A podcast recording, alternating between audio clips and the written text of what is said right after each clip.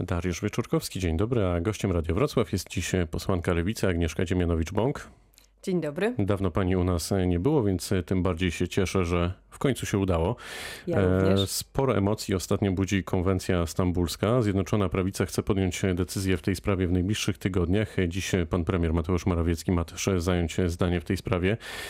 Lewica zdecydowanie podkreśla, że konwencja powinna dalej obowiązywać. Jakiego najmocniejszego argumentu by pani użyła w tej sprawie? Przede wszystkim konwencja, tak zwana konwencja stambulska, to jest konwencja antyprzemocowa. Konwencja o przeciwdziałaniu przemocy domowej i przemocy wobec kobiet. To jest międzynarodowy dokument, który stwarza pewne ramy, wytyczne dla państw, które podpisały tę konwencję na temat kierunków e, działania, e, przeciwdziałania przemocy domowej, w szczególności przemocy wobec kobiet, ale jak jest wzmiankowane na wstępie tego dokumentu, oczywiście nie tylko o przemoc wobec kobiet chodzi. Chodzi także o przemoc wobec dzieci, o przemoc wobec osób starszych, seniorów, o przemoc wobec mężczyzn. Co ważne, konwencja antyprzemocowa zwraca uwagę, że istnieje istnieje wiele różnych rodzajów przemocy. Przemoc fizyczna, przemoc psychiczna, przemoc ekonomiczna, oczywiście przemoc seksualna, która ciągle jest nierozwiązanym problemem, e, ponieważ e, tych, e, tych zgłoszeń osób doświadczających takiej przemocy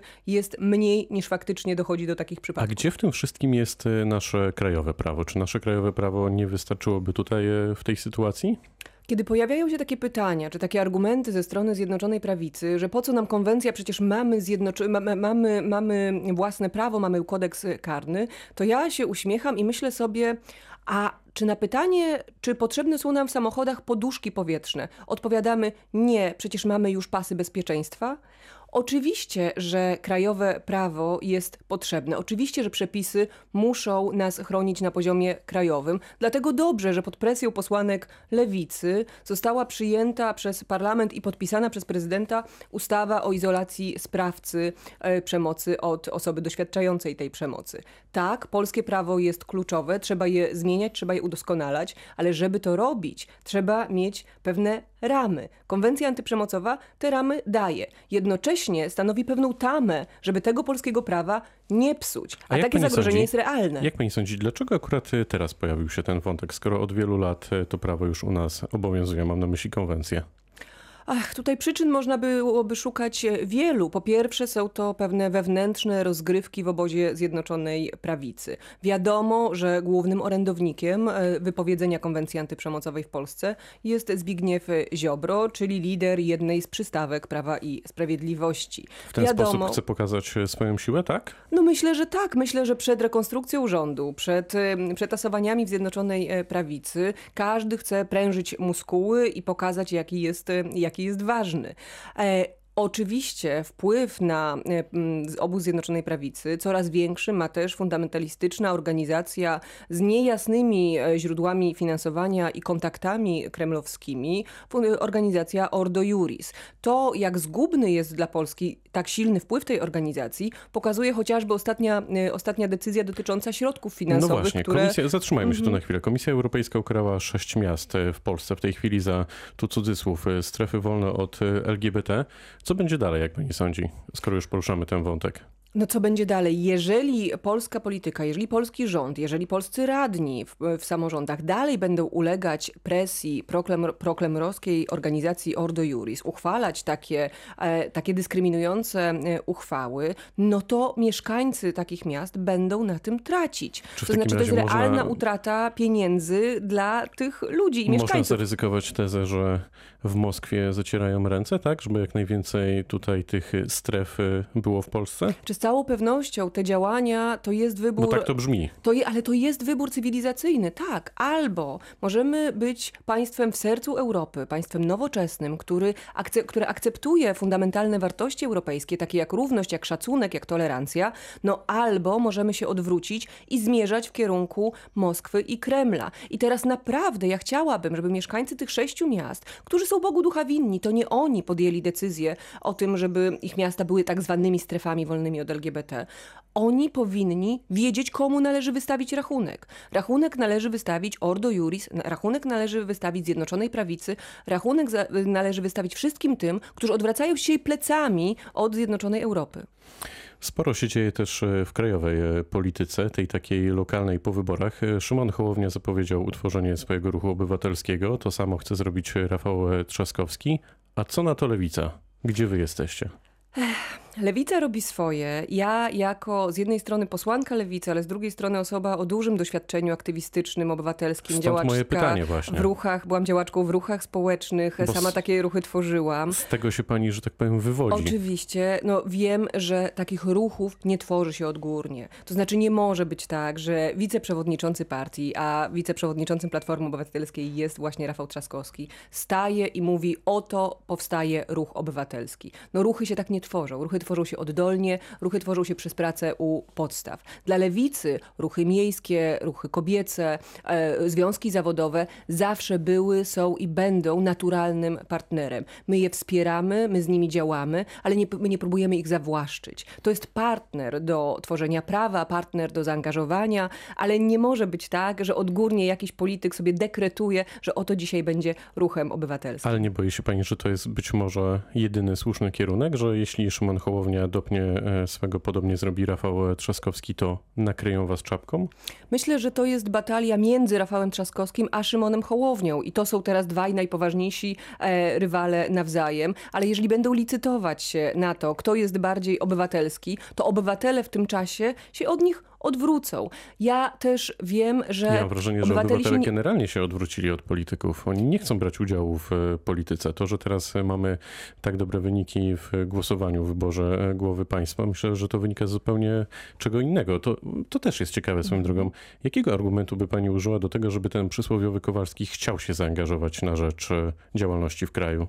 Ja tego argumentu używam już praktycznie, ponieważ ja wychodzę z takiego założenia, że politycy mają działać z obywatelami i dla obywateli, a nie wykorzystywać obywateli do własnych politycznych celów. Dlatego y, zaraz po kampanii, y, tydzień temu, uruchomiłam wraz ze swoim zespołem we Wrocławiu Biuro Interwencji Obywatelskich. To jest taka organizacja, taka inicjatywa, do której każdy obywatel i obywatelka może się zgłosić ze swoim problemem. Jeżeli e, ma, jest, są łamane jej prawa obywatelskie, jeżeli jest prześladowana przez organy ścigania, nie wiem, za to, że nie nosi mm, maseczki, jeżeli doświadcza mowy nienawiści, jeżeli w jakikolwiek sposób jej prawa nie są respektowane, może się do mnie zgłosić. Ja mam pewne narzędzia e, poselskie, za pomocą których mogę działać, ale także zespół, który tworzy Biuro Interwencji Obywatelskich, to jest zespół prawników, zespół aktywistów, zespół ekspertów w każdej dziedzinie, w dziedzinie ochrony środowiska, w dziedzinie równości, w dziedzinie praw kobiet, który wie, każda z tych osób wie, jak działać, jakie podjąć działania,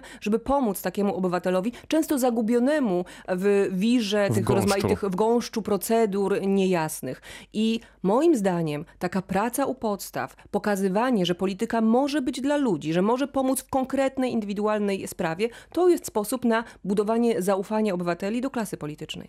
Trochę pani wyprzedziła moje pytanie, bo miałem o to pytać, czy w ciągu tego tygodnia ten e, projekt cieszy się zainteresowaniem? Widzi pani, że faktycznie to było niezbędne do tego, żeby działać dalej? Tak, jak najbardziej. Zresztą ten projekt jest kontynuacją mm, inicjatywy, którą rozpoczęłam w trakcie kryzysu. E, W trakcie kryzysu przekształciłam swoje biuro poselskie w takie centrum pomocy pracowniczej, ponieważ e, epidemia była czasem, kiedy bardzo wiele ludzi traciło pracę, w szczególności osoby zatrudnione na tak zwanych umowach e, śmieciowych, nie wiedziały, gdzie mogą zwrócić się po pomoc, kiedy ich prawa pracownicze były łamane. To ogromne zainteresowanie z tego czasu, największego czasu e, kryzysu, ono dalej trwa. Oczy- Więc najwięcej zgłoszeń, które docierają do Biura Interwencji Obywatelskich, to nadal są zgłoszenia natury pracowniczej. Ale pojawiają się też takie zgłoszenia, jak e, zgłoszenia od osób prowadzących organizacje pozarządowe, które sygnalizują, że coś się w państwie w Polsce zmienia, że jest im trudniej, jest im trudniej dostać, dostać zgodę na przedłużenie e, lokalu, jest im trudniej uzyskać finansowanie, procedury są coraz bardziej skomplikowane. Więc takich tematów jest naprawdę bardzo wiele. Ja widzę, dostając zgłoszenia nie tylko z Wrocławia, nie tylko z Dolnego Śląska, ale też z całej Polski, że zapotrzebowanie na to, żeby politycy przestali zajmować się sobą i zaczęli zajmować się konkretnymi, codziennymi problemami mieszkańców i mieszkanek, jest po prostu ogromne. I zachęcam do tego wszystkich moich kolegów i koleżanki, nie tylko z lewicy, bo lewica już to robi, ale także z innych ugrupowań, żeby tego rodzaju aktywności podejmowali. A gdzie dziś jest e, lewica? Bo rok temu powstała koalicja e, lewicy. Jak to wygląda po 365 dniach? Tak to miało wyglądać? Lewica dostała się do Sejmu. To był ogromny sukces, bo oczywiście przez mm, poprzednią kadencję lewicy tam e, ewidentnie brakowało. Jesteśmy trzecią siłą parlamentarną. Jesteśmy aktywnym klubem, który mimo tej niesprzyjającej arytmetyki sejmowej zgłasza swoje projekty ustaw, zgłasza poprawki do ustaw rządowych. Część z nich udaje się e, przewalczyć z korzyścią dla obywateli i obywatelek. Jesteśmy opozycją konstruktywną. Chcemy A jesteście rozmawiać. silniejsi po wyborach prezydenckich? Jesteśmy silniejsi o to doświadczenie z całą pewnością. Jesteśmy silniejsi o wnioski, jakie wyciągnęliśmy z tej kampanii. Jesteśmy silniejsi o wnioski e, też z tego, co wydarzyło się po drugiej turze wyborów prezydenckich, a wydarzyło się coś bardzo niedobrego i niebezpiecznego. Mianowicie dwa wraże sobie obozy rzuciły się sobie e, do gardeł. Pojawiły się takie obraźliwe sformułowania e, krytyka pod adresem Podkarpacia, Lubelszczyzny, ja tych regionów tych regionów, które, ale ona była szczególnie, szczególnie zmasowana. Ten, ta mowa nienawiści, ta mowa pogardy, która rozlewa się z jednej strony wobec mniejszości seksualnych, wobec kobiet, a z drugiej strony wobec mieszkań, mieszkańców mniejszy, mniejszych miast, to jest ogromne wyzwanie i zadanie do wykonania, moim zdaniem do wykonania właśnie dla lewicy, dla lewicy, która wie, że nie wolno dzielić ludzi, tylko należy ich łączyć, a na wyborców nie można się obrażać, tylko trzeba ich przekonywać do swoich racji. A dziś Robert Biedroń też byłby waszym e, kandydatem? Robert Biedroń został mm, kandydatem na prezydenta decyzją wszystkich środowisk lewicy, liderów czterech partii tworzących em, lewicową e, koalicję. I ten wybór był wyborem, przy którym cała lewica trwała do końca, do ostatniego dnia e, kampanii. Dziś byłby taki sam? Nie mam powodu sądzić, żeby miało, być, e, żeby miało być inaczej. To, co wydarzyło się w kampanii prezydenckiej, to pewna odnowiona polaryzacja, pewien plebiscyt i oczywiście no, chcielibyśmy, żeby nasz wynik, e, żeby wynik Roberta Biedronia był lepszy, ale rozumiemy ten mechanizm. Wiemy też, wiemy to też dzięki badaniom, dzięki sondażom, że wyborcy, nawet ci lewicowi wyborcy, którzy zdecydowali się postawić już w pierwszej turze na Rafała Trzaskowskiego, oni nadal są wyborcami lewicy i w wyborach parlamentarnych, które są zupełnie inne niż wybory prezydenckie, będą z nami, e, postawią na lewicę. Także dziękujemy im za to i zapraszamy do współpracy także tej oddolnej, ponieważ czeka nas kilka lat na rozbudowanie struktur, na prace programowe. Jesienią czeka pięć lewicę lat? duży kongres e, programowy. Zapraszamy wszystkich do współpracy. A czy za 5 lat e, kandydatką na urząd prezydenta będzie posłanka lewicy Agnieszka Dziemianowicz-Bąk? Ja bym oczywiście bardzo chciała, żeby za pięć lat było jak najwięcej kandydatek na prezydentkę. Ale rozumiem, że pani jest uważam- gotowa do walki. Ponieważ uważam, że, że kobiet wciąż jest za mało w polityce, za mało jest ich także w tych e, kampaniach na najwyższe, e, najwyższe urzędy.